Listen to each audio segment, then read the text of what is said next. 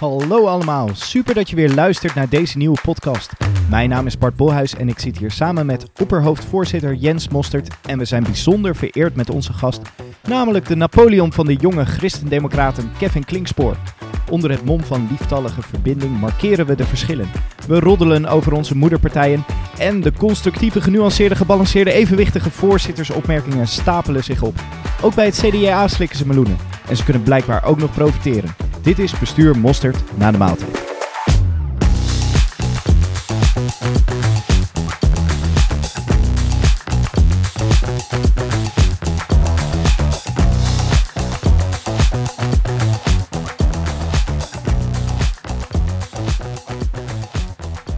Alright, beste mannen.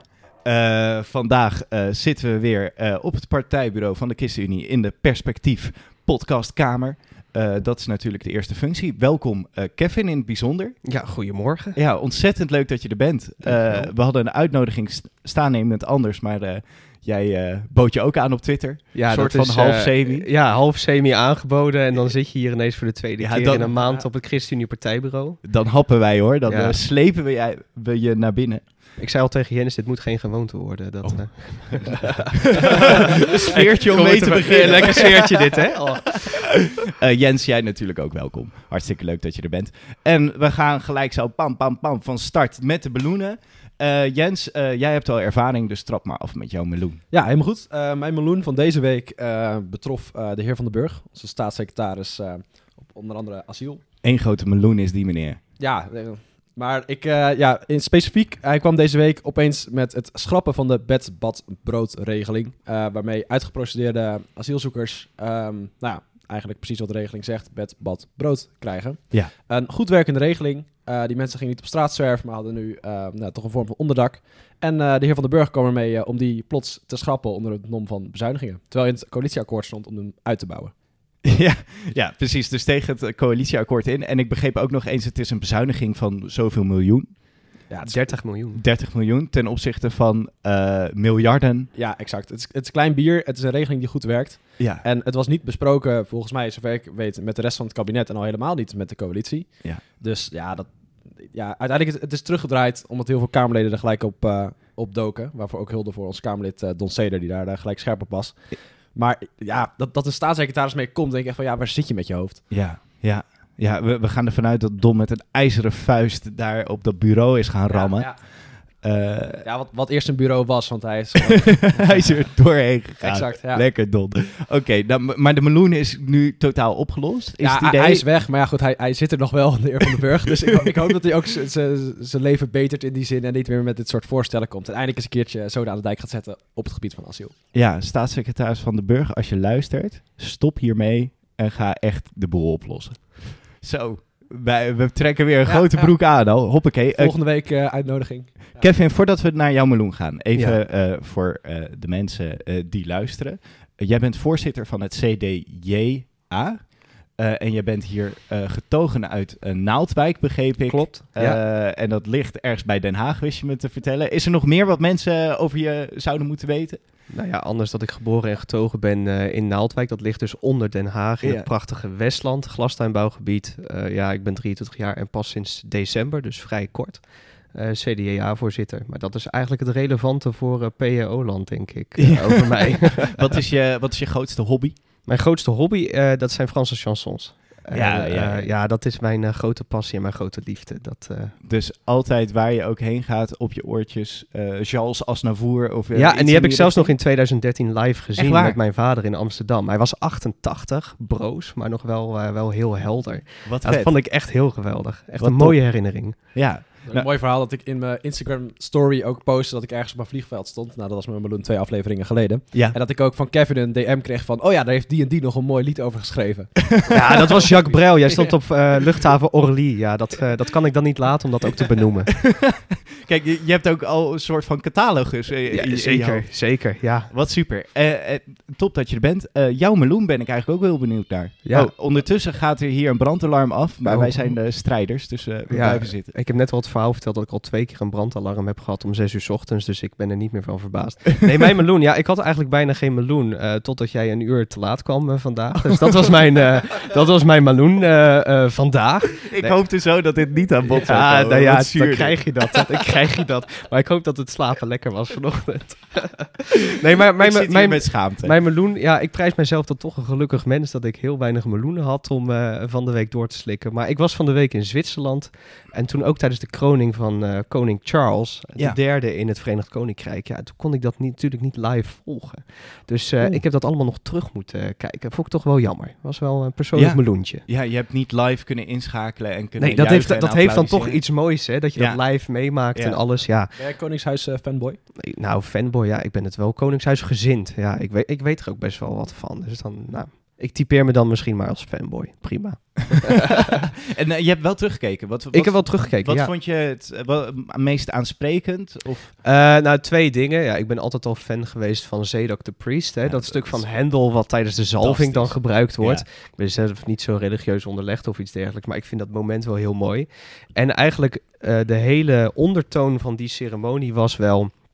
eh, ja, ik, eh, ik kom om te dienen. Hè? Dat Ja. zegt hij eigenlijk steeds. En dat is een thema wat terugkomt in die kroning. En dat, hè, los van alle religieuze eh, elementen die erin zitten, vind ik dat ook voor het bredere publiek aansprekend. als een koningshuis voor, voor het hele publiek. Van ja, wij zijn er om jullie te dienen. en we, zijn we zitten er niet voor onszelf. En er is meer dan alleen ja, onszelf en deze aarde. Dat vond, ik een heel mooi, mooi Cool. thema. Cool, super cool. Ehm, ja, aanrader om terug te kijken. Misschien Zeker, moet- Misschien moet ik het zeker. zo maar zeggen. Ehm, eh, wij eh, gaan het vandaag een beetje hebben over perspectief, CDA, ChristenUnie, CDA... eh, en hoe zich dat allemaal een beetje verhoudt. Maar laten we beginnen met wat verbroedering. Wat is nou een schitterende overeenkomst tussen perspectief en het CDA? Nou, we hebben afgelopen maand natuurlijk zo'n prachtige avond over klimaatrechtvaardigheid gehad. Hè? Dus we doen ook wel dingen samen met elkaar Ja. om eh, bepaalde onderwerpen uit te diepen. En ik denk, je hebt allebei ook wel een sterke liëring met het christelijk sociaal gedachtegoed. En dat merk je goed. Daar geef je misschien uiteindelijk een andere invulling in als je eh, helemaal op bestuurlijk niveau of eh, in, de Kamer zit. Maar je merkt wel in gesprekken dat je dan op, op bepaalde punten echt wel op dezelfde manier gegrond bent. En dat is wel, dat vind ik altijd heel gaaf om te zien. Ja, ehm, merken jullie dat, eh, ik bedoel, er is soms best wel eh, commentaar uit bepaalde kringen van eh, CDA is ook niet meer wat het is geweest en zo. En, en, en misschien vanuit CDA een beetje van, nou, perspectief of de ChristenUnie, dat wordt ook maar steeds linkser en, en, en steeds progressiever. Hoe, hoe ervaren jullie dat? Ik denk als je het hebt over je bekommeren om je medemens en dat ook echt als opdracht zien in je leven, dan merk ik wel dat er veel overeenkomsten zijn. Ik, Ja. merk, ik merk wel in gesprekken met, met Kevin dan, eh, daarin merk je wel dat je een bepaald raakvlak eh, Ja. vindt. De keuzes zijn soms wel anders die eruit volgen, maar je, je basis is wel hetzelfde. Dat eh, er meer is dan alleen de mens alleen. En dat je de realisatie hebt dat de mens altijd in relatie staat tot een ander. Dat betekent dat er geen, overigens, wel ruimte is voor het individu. Dat, dat vind ik ook wel belangrijk om te benadrukken. Dat wordt dan soms wel eens ehm, ja, niet goed begrepen als ik zoiets zeg. Ehm, maar die, die basis, die, die gemeenschappelijke basis deel je met elkaar. En dan, daar vind je elkaar dus op. Dat vind ik wel mooi. En, maar eh, jij zegt, eh, dit is natuurlijk heel mooi, maar jij Ja. zegt de, de keuzes vallen soms anders uit. Hoe, hoe komt dat? Als je eenzelfde basis hebt, hoe komt het dan toch dat die keuzes anders uitvallen? Omdat, eh, hè, dus dat gedachtegoed of, of dat mensbeeld, hè, dat, dat komt misschien overeen, maar je komt ook wel vanuit andere wortels. Eh, hè, we zijn een fusie, nou ja, heel lang geleden, eh, van drie politieke partijen. En jullie van, ik meen twee politieke partijen, als ik mijn politicologische kennis nog op orde heb. Het is toch mijn bachelor, dus ja. Ehm, maar goed, de- dat geeft dus ook wel net even een andere denktrend op sommige punten. En, en dus dat je net even zaken anders waardeert en, en belangrijk vindt. Dus ik vind het op zich niet zo heel gek dat, dat soms dingen uit elkaar eh, lopen. En je bent ook wat dat betreft twee verschillende politieke partijen, dus dat moet ook kunnen. Ja, het zou, het ja als de keuzes hetzelfde zouden uitvallen, dan... eh, ja, dan kun je net zo goed fuseren. Dat, ja, ja, ja, ja, precies. Hè? Wat, wat dat betreft hebben bijvoorbeeld een D66 nog iets om eh, aan elkaar te leren. Eh, Jens, ben je het daarmee eens eigenlijk? Eh, ja, ik denk grote lijnen wel. Ik denk dat je als je kijkt naar de ChristenUnie en ook wel naar perspectief, dat wij ons eh, nadrukkelijker op de Bijbel baseren. En ook daar misschien eh, wat letterlijker dan ehm, ook nou ja, uit, leven, zeg maar. Ik denk dat het CDA daar meer op, nou, zeg maar, van oudsher op gebaseerd is en nu met, met die ideeën in het achterhoofd, zeg maar, ehm, de wereld instapt. Uh, en dat, dat is denk ik wel een nadrukkelijk verschil. Ja. Dat, dat deel ik wel met Jens. Als ik het mensen uitleg die, die niet zoveel met politiek bezig zijn, ik zeg dan altijd, ja goed, hè, je, hebt, je hebt drie uh, um, partijen die, die met een C of enigszins gebaseerd zijn op een C. Um, en dan is de ChristenUnie SGP toch ook weer net even een andere slag dan, dan het CDA. Hè, waar, het, waar het CDA gebaseerd is op de waarden um, ja, daardoor gedreven wordt, um, maar niet per se letterlijk met de Bijbel in de hand uh, politiek bedrijft. Zo is dat anders bij de ChristenUnie SGP, denk ik. Dus ja, daar zie ik uh, nou ja, de verschillen zeg maar, tussen de partijen. Ja, ik, ik denk dat veel mensen binnen de SGP en de ChristenUnie van mening zijn eigenlijk dat het recente verlies van het CDA ook veel te maken heeft eigenlijk met dat ze minder met die wortels doen. Wat, ja, dat, dat, wat dat denk is, je daarvan? Dat is één van de analyses. Um, ik, ik weet niet per se of ik die analyse deel. Of de, ja. Um, ik denk wel dat we de afgelopen jaren langzaam teruggaan um, naar een kern. Hè. We hebben sinds 2010 een hele gekke afslag gemaakt met elkaar. Ik denk dat voortschrijdend inzicht dat we nu terugkijken, dat, dat, dat we denken... een soort van coalitie met de PVV. Ja, ja voor ja. de mensen die, die jonger zijn dan, uh, dan uh, 2010. uh, dat was het befaamde Rijnal-congres in Arnhem, waarbij het CDA toch in tweederde meerderheid besloot de gedoogconstructie met de PVV goed te keuren. Ja. ja, dat is voor veel mensen in de partij toch wel een eikpunt van, nou ja, daar begon miserie. Um, nou, die analyse vind ik uh, krachtiger. Uh, en ik zie ook wel dus terug naar een kern. Hè. Als je um, in januari met Voor Heel Nederland komt, dat visiestuk van de CDA-fractie, dan zie ik ook wel steeds meer, nou ja, iets meer terug naar de kern. Alleen, ja, het is, het blijft een, het is en blijft een andere invulling dan een ChristenUnie of een SGP er zeg maar aan zou geven. Dus... Denk je dat teruggaan naar de kern um, goed gaat met een partijleider die toch al vaak wordt verweten van VVD light te zijn? Nou ja, daar hadden we het natuurlijk in het voorgesprek ook wel even over. Kijk, de, hè, wat is je beeld bij het CDA en de toekomst daarvan? Uh, ik ben heel erg gecharmeerd van, van het CDU in Duitsland, die uh, nou ja, in hun grondvesten, uh, in, in, hun grondgezet heet het volgens mij, liberaal, conservatief en eh, sociaal-christelijk hebben. Hè, en dus uh, wat ik mooi vind aan het CDA nu nog steeds, is dat er best wel veel stromingen naast elkaar kunnen bestaan. Je hebt inderdaad een meer sociaal-christelijke stroming, maar die kan ook bij een meer liberaal-rechtse stroming bestaan. En ik denk dat dat ook nou ja, mijn ideaalbeeld is nog steeds voor Nederland een, een volkspartij die, die best wel hoog pelt, waar die stromingen dus naast elkaar kunnen bestaan. Uh, die elkaar ook hè, durven laten bestaan in zo'n partij. Um, ja, en dan, dan lijkt me dat de juiste kracht. En, en ja, ik, ik, dat is gewoon mijn ideaal. Het lijkt me gewoon, gewoon prachtig om dat nog uh, te hebben. En dus ja, met zo'n partijleider, die zou dus ook de ruimte kunnen geven... Um, aan bijvoorbeeld dat soort stromingen uh, te kunnen laten floreren in zo'n partij. Ja, maar, maar wat is dan nog de kern? Ik bedoel, die stromingen laten floreren. Maar mm -hmm. het mhm. lijkt me heel moeilijk om dan tot een kern... Wat is jouw suggestie? Dit, dit moet de kern zijn van het CDA. Nou, we hebben, we hebben een mooie kern. Ik denk dat onze vier uitgangspunten spreken nog steeds een groot deel van Nederland aan. Wat zijn die vier? Ik, ik heb ze niet ja, dan, dan, ga je, dan ga je nat, hè? Nee, nee, nee. nee dat, zijn, dat zijn rentmeesterschap, solidariteit, gespreide verantwoordelijkheid, de publieke gerechtigheid. En ja. die vier bij elkaar, um, denk ik dat nog steeds de kern kan vormen en zal vormen van het CDA. Um, alleen zul je nagelang de tijdsgeest misschien ook ja, soms een wat liberalere inslag hebben, soms een meer sociaal-christelijke uh, uh, punt hebben. Maar het gaat erom dat je altijd wel vanuit die vier kernwaarden blijft denken.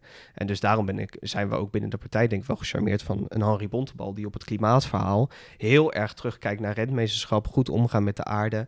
Um, overigens is dat pas een beeld van de laatste 20 jaar. Want in de jaren 80 was dat juist een beeld van we moeten de economie ja. en de samenleving goed doorgeven aan de volgende ja. generaties. Hè, maar dus die invulling van die waarden, dat is voor mij de kern van, van het CDA, die vier. En, en, en in welke mate um, zijn jullie kritisch eigenlijk als CDA op het CDA?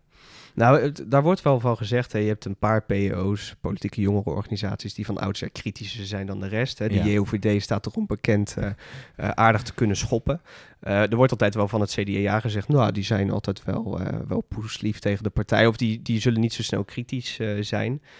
Um, klopt ook wel. We proberen vaak ook wel hè, intern dingen aan de kaak te stellen en, en op die manier de weg te bewandelen. Maar ja, we schomen er ook natuurlijk niet uh, van terug om, om ook eens publiekelijk te zeggen van, nou ja, hier zijn we het echt niet mee eens. Nee. Dat hebben we in het verleden gedaan met bijvoorbeeld de studiefinanciering.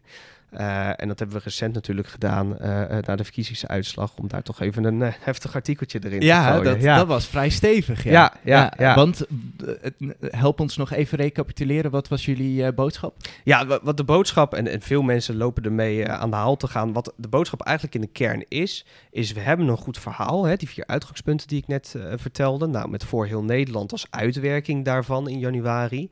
Maar dat verhaal dat moet beter verteld worden. En daar ligt een een, een, hoe zeg ik dat, een uh, uitdaging voor de partijleider om dat beter te gaan vertellen. En dat is de inslag uh, van dat artikel geweest. En uh, daar kwam toen natuurlijk heel veel reactie op, laten we ja, dat maar mild zeggen. Het idee ontstond dat jullie dachten, de partijleider kan die uitdaging niet aan.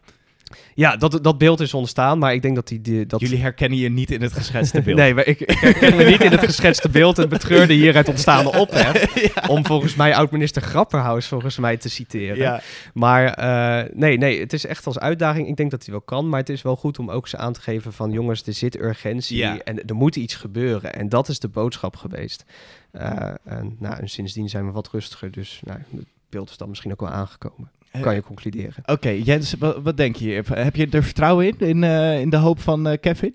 En de uh, uitdaging? Nou ja, goed. Ik denk de analyse dat, dat, dat de CDA inderdaad wat, wat meer mag focussen op haar kernwaarden. Dat is denk ik een, een goede. En ik denk ook, nou goed, ik ben dan een buitenstaander. Maar als ik vanaf buiten kijk, denk ik wel van dat is inderdaad volgens mij wel waar je het, waar je het moet zoeken, inderdaad. ik denk dat er veel compromissen zijn gesloten de afgelopen, nou zeg, tien jaar. Ehm, waar je op sommige punten misschien wel wat feller had moeten zijn om veel mensen te overtuigen. Ja. En ik denk, ja, goed, dat is niet puur aan het CDA te verwijten, maar ook, ook wel uh, heel veel problemen die we nu hebben. Als je kijkt naar ons klimaatbeleid, woningbouw, is ook gewoon heel veel, uh, ook landbouw trouwens, um, is heel veel gewoon tien jaar lang een beetje aanpappen, nat houden, maar niet echt iets doen.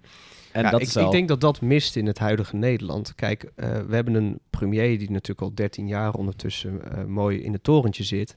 Maar we missen een soort algehele visie voor Nederland. En daardoor heb ik het idee dat we maar alles proberen hoog te houden. En dus gaan we alles maar met pleisterplakwerk nou ja, proberen omhoog te houden. Terwijl nou ja, je natuurlijk ook vanuit een visie kan spreken, dit gaan we niet meer doen en daar gaan we wel op focussen. En dan heb je een algemeen verhaal waarin je mensen met een soort uh, draagkracht mee kan krijgen om die transitie te gaan maken. En die keuzes, uh, ik denk dat die te lang worden uitgesteld, inderdaad. Ja, want uh, wat Rutte doet is een beetje regeren met duct tape en uh, W40. Exact, ja, exact. ja. Alleen, ja, de afgelopen tien jaar aanpappen, nat houden, hoor ik, gebrek aan visie. dan moeten we toch ook heel eerlijk zeggen, wie zaten er nog meer in het kabinet? Ja, uh, zeker. Uh, behalve dan e- even een uh, avontuurtje met P van Da is het altijd geweest. Daar, daar, daar is natuurlijk de grootste miserie ja, ja, begonnen. Daar is zeggen we dan gelijk. dat Rutte 2 is Rutte de oorzaak 2. van alle ellende. Ja. En ja. Rutte 3 en 4 zijn een, een trachten op te lossen wat er toen is ontstaan. Kunnen we het zo zeggen? Ja, ik denk Rutte 4 misschien, maar van Rutte 3 zou ik dat nog niet durven zeggen hoor. Nee, nee, nee. nee. Want even voor de luisteraar, zowel Rutte 3 als Rutte 4 was met ChristenUnie en CDA. En Rutte 1 uh, Enkel met CDA, met gedoogsteun van de PVV. Ja. Ja, nou ja, kijk, en, en daar zit dan nog een verschil, hè, dat je wel regeringsverantwoordelijkheid durft te dragen, maar dan moet je wel er wat voor terugkrijgen. En jij begon net over compromissen sluiten. Ik denk wat te vaak gebeurt, is dat je uh, eigenlijk bij voorbaat al bij het compromis begint en dat begint te verdedigen. Ja. Terwijl juist de charme van een compromis is dat je een initieel standpunt hebt, dat je daar dan met elkaar uitkomt, dan verdedig je vervolgens het compromis, maar je zegt wel waar je vandaan kwam. En waarom je dan toch die keuze hebt gemaakt om het compromis te, uh, te hebben gemaakt. En ik denk dat de CDA te vaak begon bij het compromis en niet meer bij, nou ja, waar kwamen we eigenlijk vandaan en wat hebben we geprobeerd te bereiken, zeg maar, in onderhandelingen. Ik, ik denk wel dat dat een heel legitiem punt is. Ik bedoel, wat ik weet is eh, in de tijd dat Meloen nog uitgesproken mocht worden binnen de ChristenUnie, ja. uh, werkte dat heel goed ja, voor Maar dat, was, dat vond ik wel de sterkte van, van jullie oud-partijleider Gert-Jan Segers, is dat hij durfde te benoemen nou, we, zijn, we hebben misschien ongemak bij deze punten. Maar er is wel genoeg binnengehaald om te zeggen, we gaan door. En ik heb dat Don Seder, eh, jullie Kamerlid, ook wel eens horen zeggen. Van ja, hè, dat asielbeleid, hoe, daar wordt hij natuurlijk vraag op, vaak op bevraagd. Van wat vind je daar nou eigenlijk van? Hè, kun je daarmee leven? Um, en dat hij ook vaak aangeeft, ja maar goed, als ik nu niet meedoe, dan wordt het misschien nog erger. Hè? En je haalt ook wel bepaalde dingen binnen waardoor je het milder maakt. En dat geldt dus ook voor, voor die visie. Als je aan een kabinet kan deelnemen en daarbij iets meer visie hè, in, in dat regeerakkoord, in dat kabinetsakkoord kan krijgen, dan is het het misschien ook wel waard om die regeringsdeelname te doen. Want er gebeurt best wel veel. Hè. We hebben de pensioenhervorming gehad, de arbeidsmarkthervorming. Dat is een soort stilletjes aan voorbij gegaan. Maar dat zijn best hele grote hervormingen, hervormingen geweest, met een visie. Maar is het nog houdbaar? Het kabinet? ja, want dat is wel even de vraag die eronder ligt natuurlijk. Hè? Uh, ik bedoel, tuurlijk, er zijn hervormingen. Tuurlijk, nou laten we even zeggen, er zijn uh, hele lieve CDA en ChristenUnie-ministers en staatssecretarissen die fantastisch werk doen. Uh, maar we houden ook gewoon een, nou ja, een beetje een asociaal-liberaal beleid houden we ook in stand. Ja, ja, maar dat, dat is dus zeg maar ook weer een eindpuntdiscussie van hè, moet het kabinet weg of moet het kabinet niet weg? Terwijl ik denk, ja, uh, als je nog steeds ervan overtuigd bent dat je bepaalde dingen er, eh, eruit haalt. Ik heb net al twee dingen genoemd, maar bijvoorbeeld ook die regio-deals die minister Hanke Bruin Slot doet. Uh, de regio-deals uh, wat betreft woningen die, die Hugo de Jonge doet. nou, belastingstelselhervormingen van Marnix van Rij. Er zit best wel veel op onze portefeuilles, maar sowieso ook op andere portefeuilles, waarvan ik zeg van ja, we zijn nog steeds proberen we het goede te doen. En dan ja, vind ik de discussie, moet je een kabinet laten klappen, dat, daar ben ik dan niet zo fan van. Hij gaat de komende maanden denk ik wel spannend worden. Als in, we gaan een discussie krijgen over, uh, over landbouw, over stikstof. Uh, dat wordt een grote. Uh, er zijn tekorten op de begroting, ja. die moeten we ergens gaan uitvechten. Nou, je zag met de bedbadbroodregeling, zie je daar een, een, voorproefje van, denk ik. Ja. Asiel komt er nog aan, er komt een gigantische golf aan vluchtelingen deze kant op dat wordt gewoon spannend, want dat, dat zijn wel punten waarop uh, veel coalitiepartijen echt anders denken. En dan zullen ze weer met elkaar om de tafel moeten gaan. En goed, dan wordt het ook aan de ChristenUnie, maar ook aan het CDA van, nou goed, daar moet je echt je waarde verdedigen. Want als het, als het dan weer in een soort van slap compromis komt, ja, ja dan. Maar, dan, als, dan moet je dus daarvoor moet je er wel ingaan uh, met het idee dat je er samen uit wil komen. Uh, en dus niet op voorhand al je zoiets denkt van hoe gaat het klappen deze keer. er zijn altijd spannende dingen in coalities. Dit is natuurlijk een hele interessante coalitie, sowieso vier partijen uh, met best wel verschillende waarden op sommige mm. punten. Um, maar ja, je uitgangspunt moet toch altijd wel zijn proberen eruit te komen. Maar is het niet juist deze, ik noem het even een beetje hele constructieve, maar ook best wel een beetje slappe houding? Uh, is dat niet precies wat Mark Rutte ook weet? Die christelijke partijen, die willen er toch uiteindelijk wel uitkomen. Dus ik kan net zo rechts of, of uh, kapitalistisch erin gaan zitten zoals ik er wil.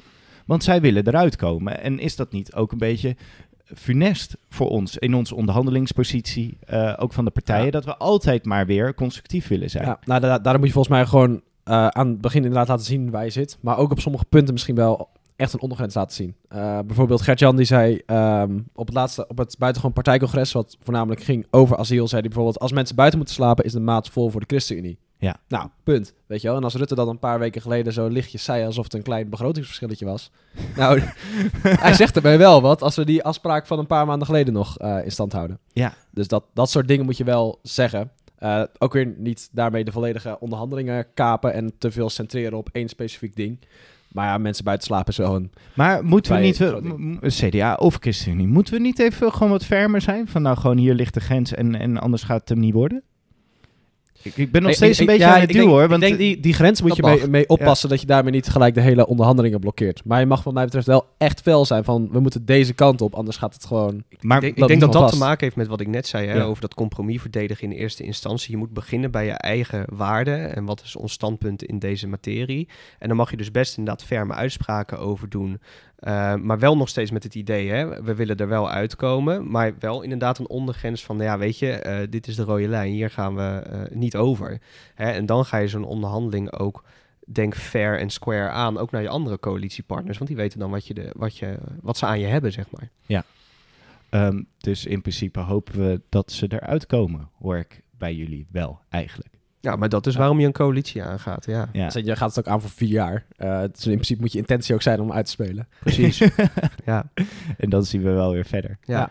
Oké, interessant. Uh, Jens, is, is er misschien een vraag die jij nog aan uh, Kevin zou willen stellen? Of andersom, misschien Kevin, wil jij wel... Uh, ik ben wel benieuwd. Um, binnen, binnen, binnen perspectiefkringen, om het maar eventjes zo te noemen. Um, je had net al even over Henry Bontebal. Mensen zijn best wel een beetje fan van hem, denk ik. Dat hij een, een stuk CDA vertegenwoordigt waar veel uh, leden van ons zich ook wel in kunnen vinden. Tegelijkertijd wordt hem ook over weten dat het bijvoorbeeld uh, op, weer op het klimaatbeleid niet, niet, niet fel genoeg is. Dat het nog te veel wordt geflirt met um, nou, oliebedrijven, et cetera. Hoe kijk jij daar tegenaan? Is het CDA ambitieus genoeg op het gebied van klimaat? Uh, ambitieuzer dan vroeger, maar dat is geen antwoord op je vraag natuurlijk. uh, nee, kijk, wat ik, wat ik, waar ik enigszins sympathiseer met Henri is dat um, elke stap die hij maakt, daar wordt altijd van gezegd, het is nooit genoeg. Uh, en dat is wel, vind ik, voor hem ook heel frustrerend in deze discussie. Kijk, ik denk dat we er op een gegeven moment niet meer aan, uh, aan gaan komen om die fossiele subsidies, uh, die moeten straks natuurlijk gewoon weg. Ik denk dat daar ook maatschappelijk draagvlak echt voor kwijt is. Um, dus daar zou ik misschien een andere keuze nu al in maken. Um, maar ergens, en, en dat vind ik ook wel goed, is hij houdt wel vast aan zijn eigen overtuiging dat hij het met de industrie en met die bedrijven en met de samenleving dus die transitie wil maken. Want als iedereen het hak, de hak in het zand zet en de overheid zegt, oh, we gaan geen subsidies meer eh, verstrekken, de bedrijven vervolgens het hak, de hak in het zand zetten, ja, dat is natuurlijk ook zonde. Dus ik vind het Sommige mensen zullen dat, eh, die verwijten mij dan altijd een stuk naïviteit. Hè, van ja. nou ja, goed, en, en, en, je moet soms ook wel gewoon keuzes maken. Daar ben ik ook wel met ze eens. Maar ergens, ik, ik, ik heb wel een waardering voor Henri dat hij het op die manier probeert. Uh, om, die, om die vergroening dus met elkaar te maken. En ja, dan zul je dus soms wat minder populaire of minder hardline beslissingen nemen. Ja. Um, maar hij doet het wel vanuit een overtuiging. En dat, dat kan ik wel heel erg van hem waarderen. Dat is sowieso denk ik wel een beetje het christelijk-sociale dilemma op dit moment. Hè? Als je het hebt over stikstof, klimaatverandering. Wij vinden het heel belangrijk dat uh, de overheid niet uh, dingen aan mensen oplegt waar, waar geen maatschappelijk draagvlak voor is. Aan de andere kant uh, zien wij ook in er moeten dingen veranderen en je kan het niet aan de goedheid van alle individuen in Nederland nee. overlaten om die verandering in te zetten. Ja, je ziet het ja. op tal van dossiers. Jij, noemt, jij, noemt, nou stikstof, klimaatverandering, maar bijvoorbeeld ook woningbouw. Hè, Hugo de Jonge die gewoon tegen gemeente gezegd, zegt 30% sociale huur, dat is de ondergrens, daar moet je aan werken. Terwijl ik ook als gemeenteraadslid zie hoeveel dat doet met een sfeer in de raad die vervolgens de hak in, de, in het zand zet. En bijvoorbeeld in Westland zeggen we, we hebben net een woningmarktbehoefteonderzoek gehad. Daarin blijkt 24% is onze eigen behoefte aan ja. sociale huur. 30% daar wil een gros of een meerderheid van de partijen wil daar niet aan. Vervolgens is die hele sfeer verziekt. Uh, en krijgen het niet voor elkaar om woningen te gaan bouwen. En dat wijd ik niet allemaal aan Hugo de Jonge, want ik zie ook wel de andere kant. En het wordt ook best wel geframed van dit moet, dit moet, dit moet. Terwijl hij ook wel uit een besef komt van je wil het samen met mensen doen om die crisis op te lossen. Maar ik zie dus inderdaad op tal van dat soort dossiers dat een soort dat rentmeesterschappelijke kant van je wil klimaat goed doorgeven, je wilt het stikstofdossier goed doorgeven, je wil woningen doorgeven aan mensen toch wel een beetje in de knel komt met ja, een soort die subsidiariteitsgespreide verantwoordelijkheid gedachte. Ja, ja. Hè, dat je ook wel wil dat gemeenschappen dat vanuit zichzelf doen. En daar zit echt een enorm spanningsveld op het moment die ik echt op tal van dossiers zie. Ik denk dat we hier wel de vinger op de gevoelige plek hebben van de christelijke politiek uh, in deze tijd eigenlijk. Ja, denk ik ook. En ja, dat, dat is ook wel het probleem als je, als je bijvoorbeeld kijkt naar een landbouw. Uh, daar wil je mensen uh, inderdaad die ruimte geven. Maar vervolgens wordt er 10, 20 jaar lang zo weinig, um, zeg maar, een lange termijn geschetst voor bijvoorbeeld boeren. En dat je nu dus in een, een situatie zit waar je met je rug tegen de muur aan zit. Want je hebt zeg maar de boetes vanuit Brussel, hij in je nek. Tegelijkertijd heb je boeren die moeten gaan veranderen, maar hebben eigenlijk nog geen idee welke kansen ze op moeten. En hebben de afgelopen jaren ook al heel veel moeten doen.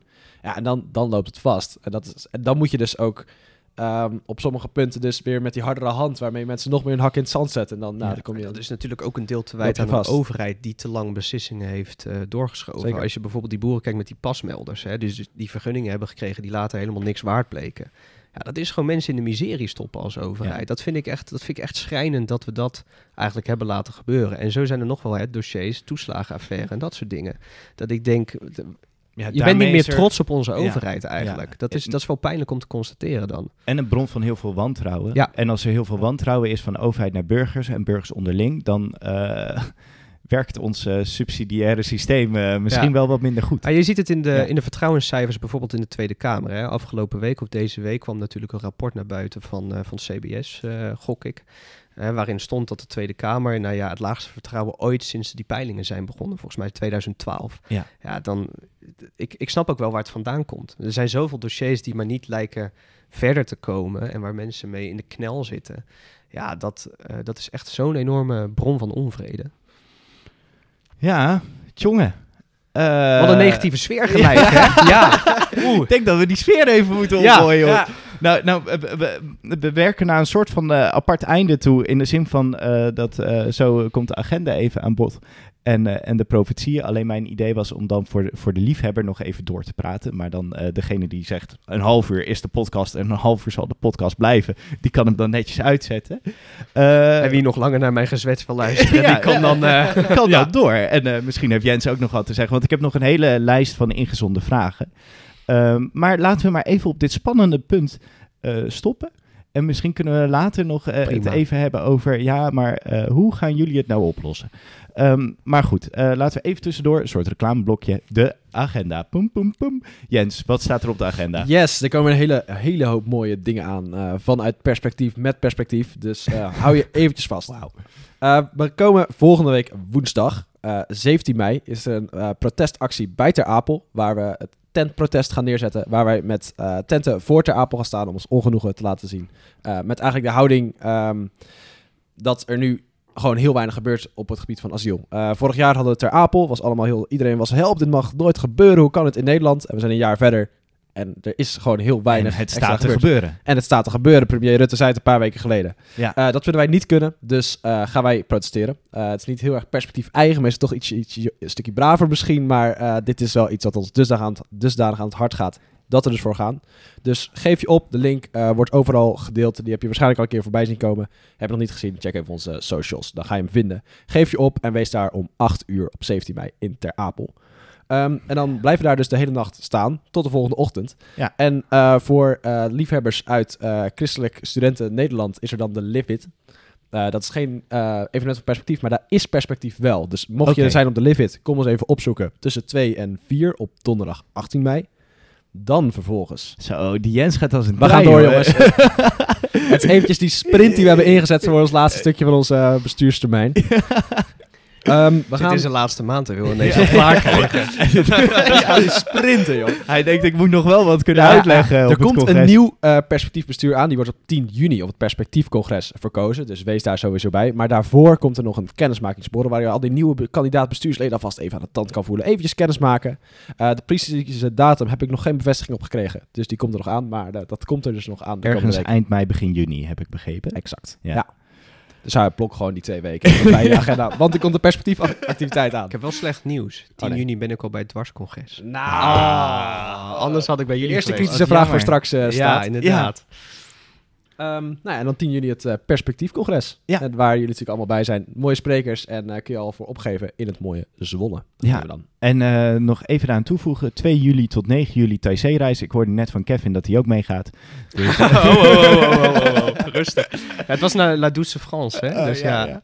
Nee, en anders kan er misschien een andere CDA als vervanger gezonden worden. als het mogelijk is, dan zend ik wel iemand namens mij. Nee, schitterend. Hey, om het even goed te maken. Jij zit hier nu ook, Kevin. heb, heb jij nog iets uh, wat je wil aanprijzen van het CDA-activiteit? Het is wel een beetje nou, onvoorbereid. Hebben, ja, nou ja uh, dat is misschien voor deze doelgroep uh, wat minder relevant. Maar we hebben 19 en 20 mei aanstaan hebben we ons voorjaarscongres in Leeuwarden. Ja. Ook hele mooie sprekers weten te regelen. We gaan onder andere in gesprek met René Paas, commissaris van de Koning in Groningen over nou ja, de Groninger gascrisis, de afhandeling daarvan, maar ook over het vertrouwen in de overheid daar zo en hoe we dat weer gaan herstellen. Dus als we het dan toch hebben over dat, hè, dat onderwerp van net, dan is dat wel een hele interessante, maar wel met een positieve insteek. Eh. Cool, cool. Nou, mocht je echt uh, helemaal in de knoop zitten met perspectief, dan kan je misschien nog eens een CDA-congres uh, overwegen. Altijd welkom. um, Uh, laten we naar de grote profetieën gaan. Ik ben wel benieuwd eigenlijk uh, of we gaan nu eens aftasten of ze bij CDA ook nog een beetje kunnen profiteren. Uh, dus Kevin, uh, laat maar eens horen. Wat, wat wordt er nieuws? Wat gaat er groot nieuws worden? Ja, ik zei net al een beetje tegen Jens, maar dat is wel een beetje macro-economisch en een beetje middellange termijn. Maar ik maak me toch een beetje zorgen om de financiële situatie. Weer zo'n negatief onderwerp.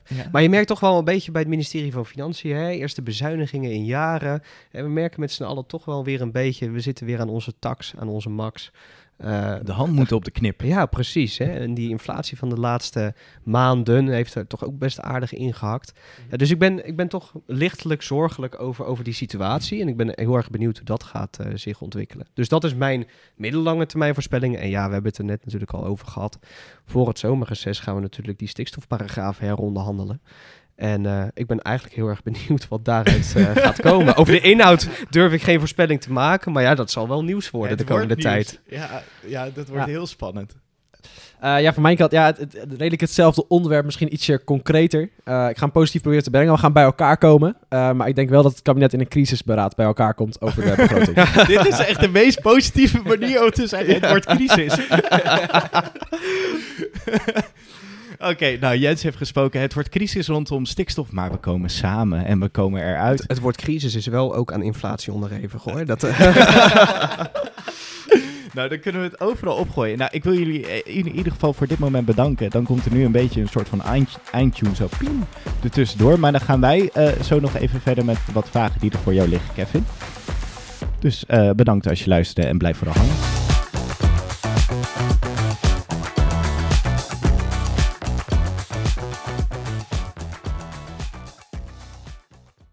Nou, dan gaan pauze of gaan we gelijk nee, door? we gaan gewoon gelijk, eh, Nice. gelijk doorpakken. Als jullie het ook even vinden. ja hoor. Ja, Eh, ik heb nog water. gebeld door een aantal mensen, maar dat, eh, dat gaat ze waarschijnlijk over een kwartier nog steeds doen. Nou ja, Kijk ook even snel. ja alle telefoontjes. eh, de- deze voorzitters. Ik had Ja, het het laatst, wat een ik had gewilde het, mensen ik had het laatst op WNL Haagse Lobby. Toen was ik met Michiel Suiker van de JOVD en eh, Iris Vergeer van Dwars. Ja. En toen werd er tussendoor gevraagd door de presentator tijdens de half uur pauze. Nou, hebben jullie al boze appjes van bestuursleden over wat jullie gezegd hebben? en ik had daarvoor bij de intro gezegd dat mijn wildste droom is dat ik nog steeds een keer burgemeester word in, eh, in Nederland.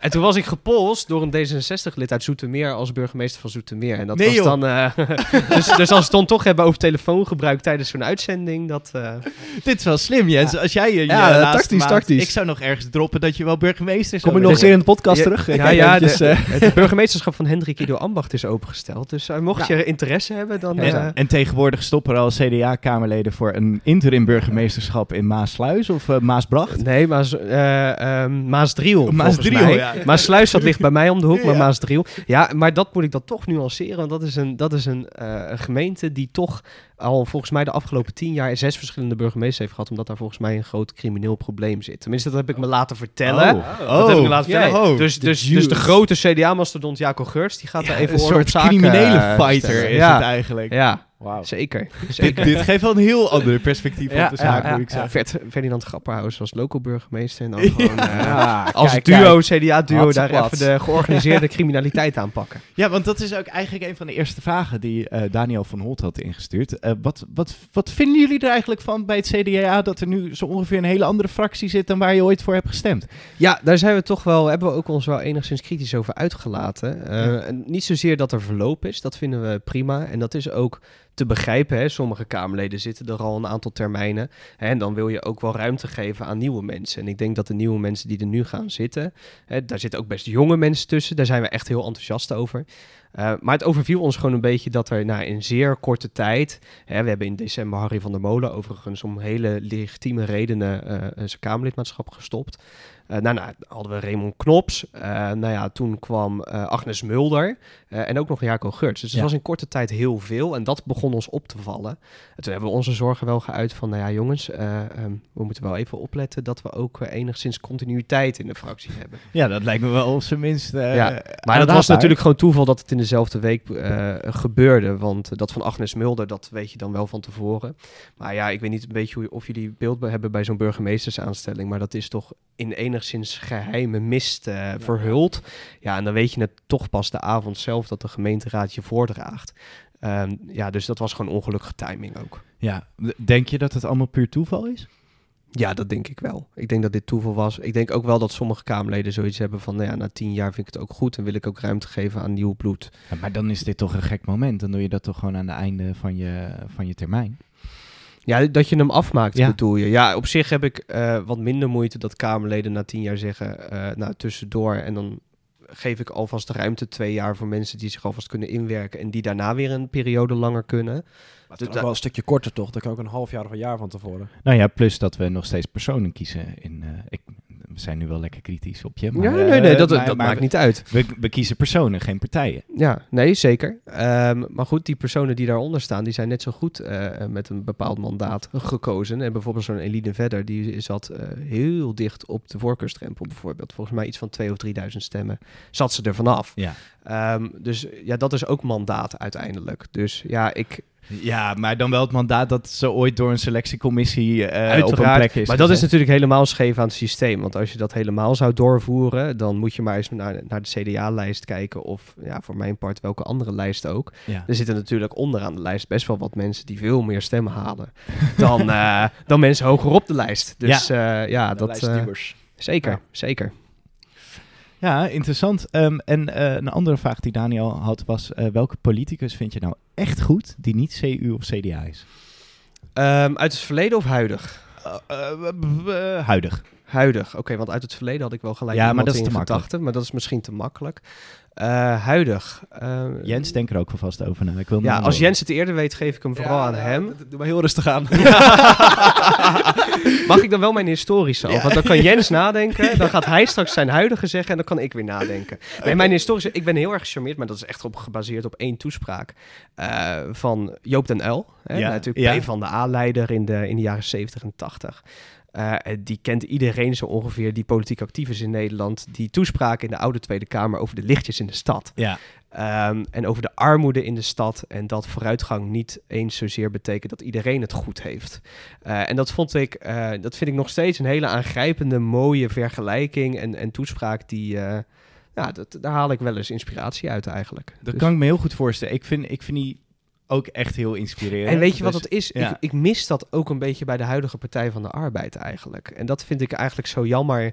Want ehm, ik heb wel eens gezegd, de tijdsgeest is inherent links. Hè? Mensen hebben niet automatisch meer recht op een vaste baan, op een koop- of huurhuis. Hè, de tijd zou in principe links moeten zijn voor een linkse partij. Ja. En dat dat dan niet gecapitaliseerd wordt door de huidige linkse partij, dat is wel jammer eigenlijk. Dat is omdat ze tegen kapitalisme zijn misschien. ja, ja, Maar, eh, maar het is wel grappig, want Johan Frets heeft natuurlijk eh, net een eh, documentaire gemaakt, ook over links. Ja. En ik, ik ben vergeten hoe het heet, maar het gaat er in ieder geval over toch hoe het toch komt. Is dat What's Left? Ja, wat slecht. Ja, heel ja. goed. Ja, top. Maar daarin haalt hij ook die speech van. Joop den L eigenlijk naar voren van... oké, maar dit is wel een soort van ideaal waar we weer naar terug moeten. Ja. Dus als Ja. zelfs de CDA-voorzitter zegt van... kom op P van de A, haal dat Als we dan toch terug. over waarden en waardegedreven politiek hebben, P van de A, luister alstublieft naar Mosterd naar de maaltijd. Ja, dat, eh, maar, maar dat is toch, een goed maar dat zijn toch ook, ik vermoed altijd nog een beetje die christelijke waarden die ook Joop den L ooit heeft eh, dat ingegoten zou gekregen. kunnen. Dat zou kunnen.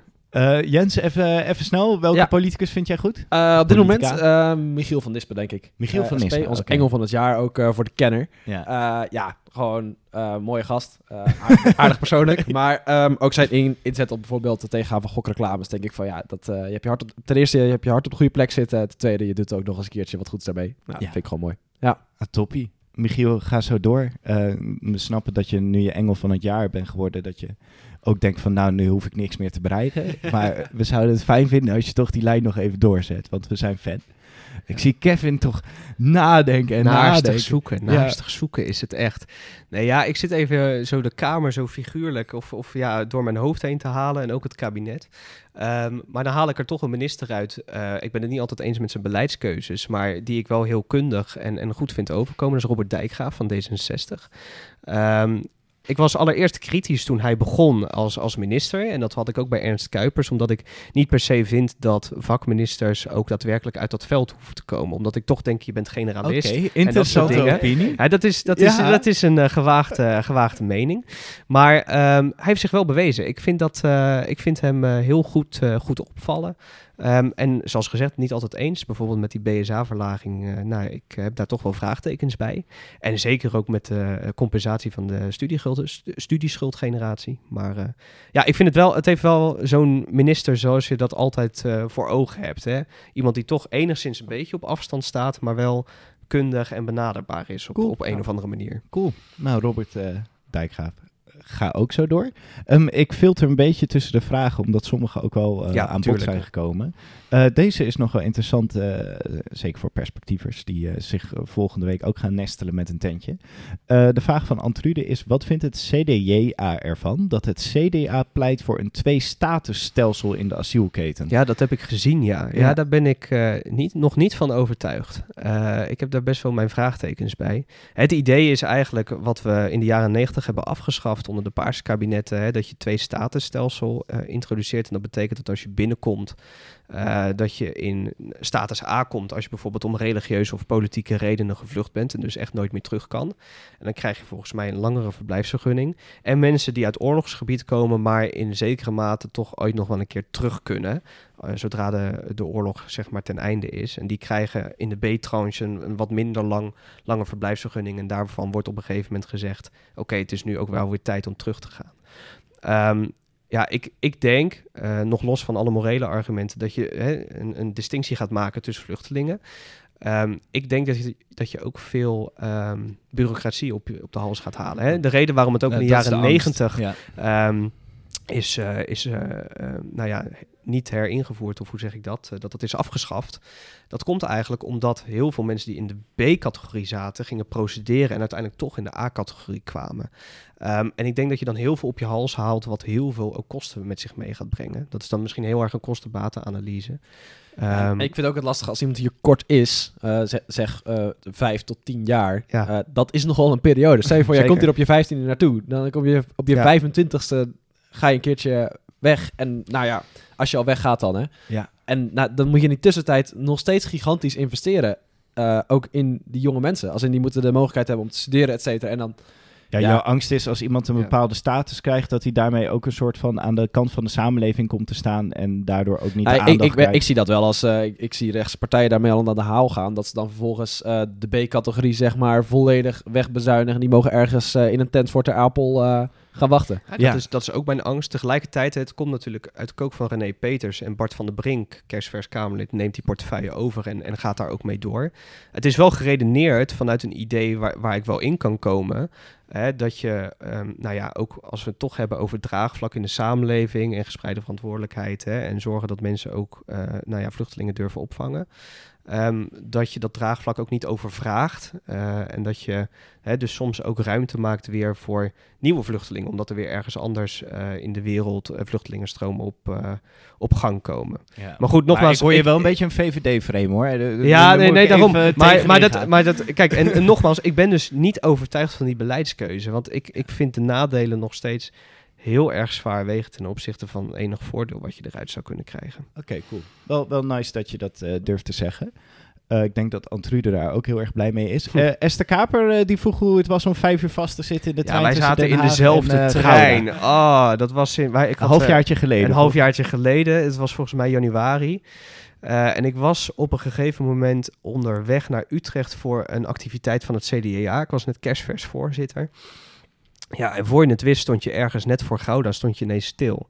En dan denk je meestal, nou ja goed, we wachten op een trein die ergens op een spoor staat waar we niet doorheen kunnen. Maar goed, 15 minuten werd een uur en een uur werd twee uur en twee uur werd drie uur. En dat werd uiteindelijk lang. vijf tot zes uur. ja, dat was echt, dat was echt niet leuk. Ik heb er wel een interview met Editie NL uit, uh, gehaald. Maar, maar, mijn, ondertitel, mijn ondertitel was daar passagier. En dat is sindsdien een meme geworden in mijn bestuur. Oh, dat is wel mooi. Ja, het leuk, uh, Esther was uh, campagneleider uh, tijdens die verkiezingen. Maar ik, ik heb genoten op Twitter van alle consternatie die jullie wat, wat, wat er ook gebeurde is, bij ons viel de stroom uit. Dus wij kregen ook de mededelingen van de machinist niet meer. En ik had nog wel contact met iemand anders die voorin in de trein zat, die nog wel stroom had. Dus oh. ik kreeg steeds door wat daar gebeurde en of er nog een trein aankwam, of we er al uit konden. Ja, en dat ging zo door. En op een gegeven moment was die hele coupé natuurlijk van mij afhankelijk van informatie. ja, en op een gegeven moment viel mijn telefoon weg. Dus toen zaten we ook maar een beetje elkaar aan te kijken van, nou ja, dit is Wat het dan. Wat heb je toch gedaan? Want ik bedoel, het eerste uur kun je nog uh, mails gaan tikken, maar daarna zit je toch van... Uh, ik kon helemaal niks doen. Mijn, mijn laptop was dus niet opgeladen. En mijn telefoon ging, ging echt heel snel achteruit. Dan word je gek. Dus ik werd ook wel een beetje gek. Ja, dan ga je toch een beetje vastklampen aan een beetje grapjes die je in de coupé gaat maken. Op een gegeven moment had een, een meid had haar moeder aan de lijn van, ja, ik kom niet thuis voor het eten, maar rustig aan, ik heb ook koekjes. En dat die hele coupé tegelijkertijd zegt, nou, ik wil ook wel. het was een ervaring. Ja, ja, dat geloof ik. Dat geloof ik zeker. Le leuk uh, dat je er nu in ieder geval uh, over terug kan vertellen. um, Wouter Jan de Gaaf die heeft wel een interessante vraag. Die zegt wanneer CDU? Maar ik denk dat hij misschien bedoelt CDU en dus eigenlijk een beetje bedoelt wanneer ChristenUnie en CDA samen. Ja, ik heb geen idee hoe die hem bedoelt. Want als die CDU in Duitse vorm bedoelt, dan heb je mij op de tafel klimmend. Ja, ja, ja. Uh, uh, nou, fusie CDA en ChristenUnie zie ik voorlopig nog niet. Uh, zie nog geen het ooit gebeuren? Um, mijn overtuiging is van niet. Omdat het denk ik toch net een andere slag van benadering is hoe je nou ja, met geloof en bijbel omgaat. Dus, maar dat, dat is mijn bescheiden uh, mening. Ik, ik weet niet, ja... En stel nou dat het, het, CDA helemaal in elkaar kegelt... en je houdt alleen echt een hele, hele harde kern... die echt helemaal dat christelijk-sociale geluid... Dan is het anders, dan is het anders, ja. Maar als je die stromingen blijft houden... Hè, en dus ook wel een soort hè, nog steeds centrumrechtse partij bent, waar je ook hè, die rechtsliberale vleugel soort thuis kan laten zijn, dan zie ik het dus niet zo snel gebeuren. Dat is, uh, nee. dat is mijn analyse. En het is misschien ook wel bemoedigend voor de mensen die vinden dat de ChristenUnie afglijdt, dat Kevin Klinkspoor nog het idee heeft van nou, dat is toch, die christelijke waarden zijn zodanig geborgd bij de ChristenUnie ja. dat ze niet samen kunnen met het CDA. Ja, nou ja, misschien moet je dat maar zo framen. ja. uh, maar het heeft natuurlijk ergens ook wel zijn charme, uh, dat bijvoorbeeld als ik het vergelijk met Scandinavische landen, zoals Noorwegen, uh, Zweden en Finland, volgens mij hebben die alle drie ja, een soort CDA-partij, centrumrechts, en een kleinere christelijke partij. En die houden elkaar een soort scherp, zeg maar. En dat, dat is misschien ook de synergie die je nodig hebt in zo'n politiek. Ik weet niet of een fusie dan gelijk alles zou oplossen. Overigens zou ik het wel fijn vinden als we wat minder partijen in Nederland hebben en een wat meer geclusterde politiek, dat het weer eventjes overzichtelijk is. Zeg Misschien maar. als je je gewoon inzet voor een hele hoge kiesdrempel, dat ChristenUnie geen andere keuze heeft. Vijf procent, oh, dan vallen we er zelf ook buiten. Ja. Nee, nee. ja, het is maar de vraag wie er over tien jaar groter is. Jens, uh, zie jij er uh, wat in zitten? Um, Uiteindelijk, ooit? Ja, moet, moet ook uitwijzen hoe beide partijen zich ontwikkelen. Zeg maar, ik denk als uh, het ligt ook heel erg aan. Kijk, als CDA uh, heel erg. Ik denk dat je binnen CDA nu echt een grotere vleugel hebt. die ook economisch bijvoorbeeld. Uh, toch wel behoorlijk rechts is. En die is binnen de ChristenUnie echt fors, fors kleiner. En er zijn ook echt mensen die daar ook dusdanig naar links leunen. dat dat heel lastig samen kan gaan.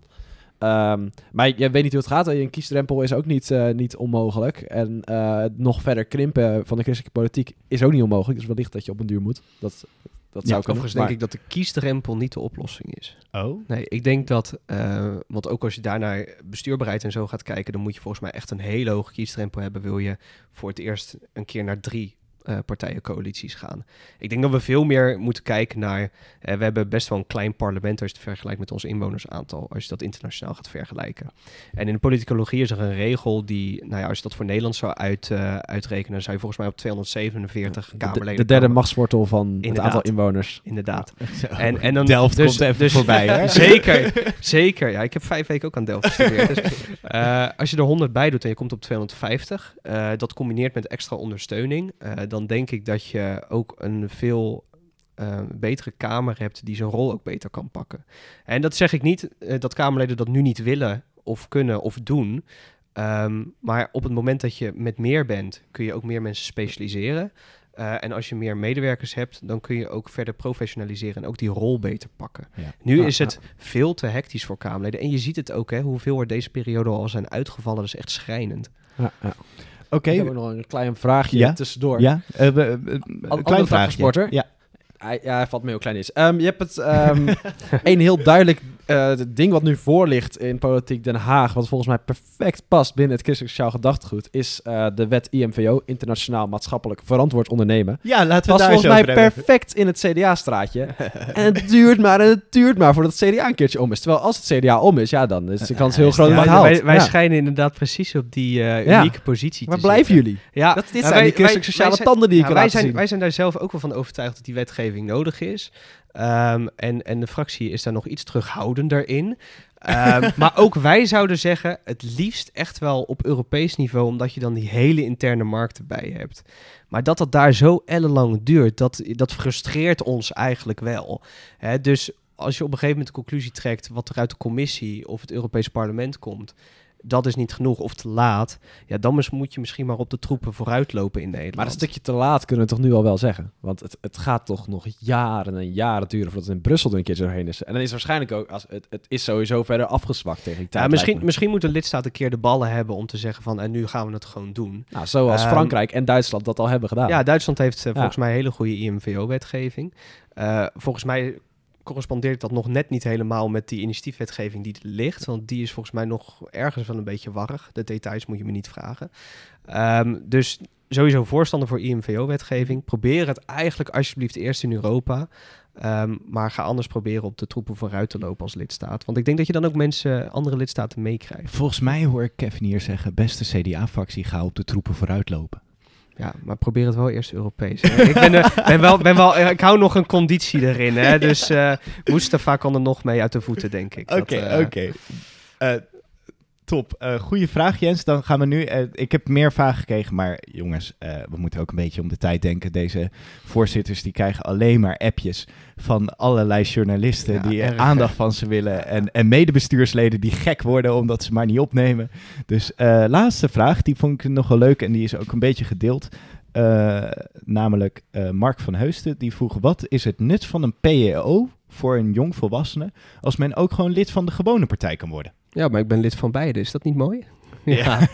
nee, maar dat je, dat daar, dat je daar actief gaat. Uitvlucht. Nee, maar ik denk, uh, ik denk dat ze best wel van meerwaarde uh, zijn. Uh, anders zou ik overigens geen PO-voorzitter zijn.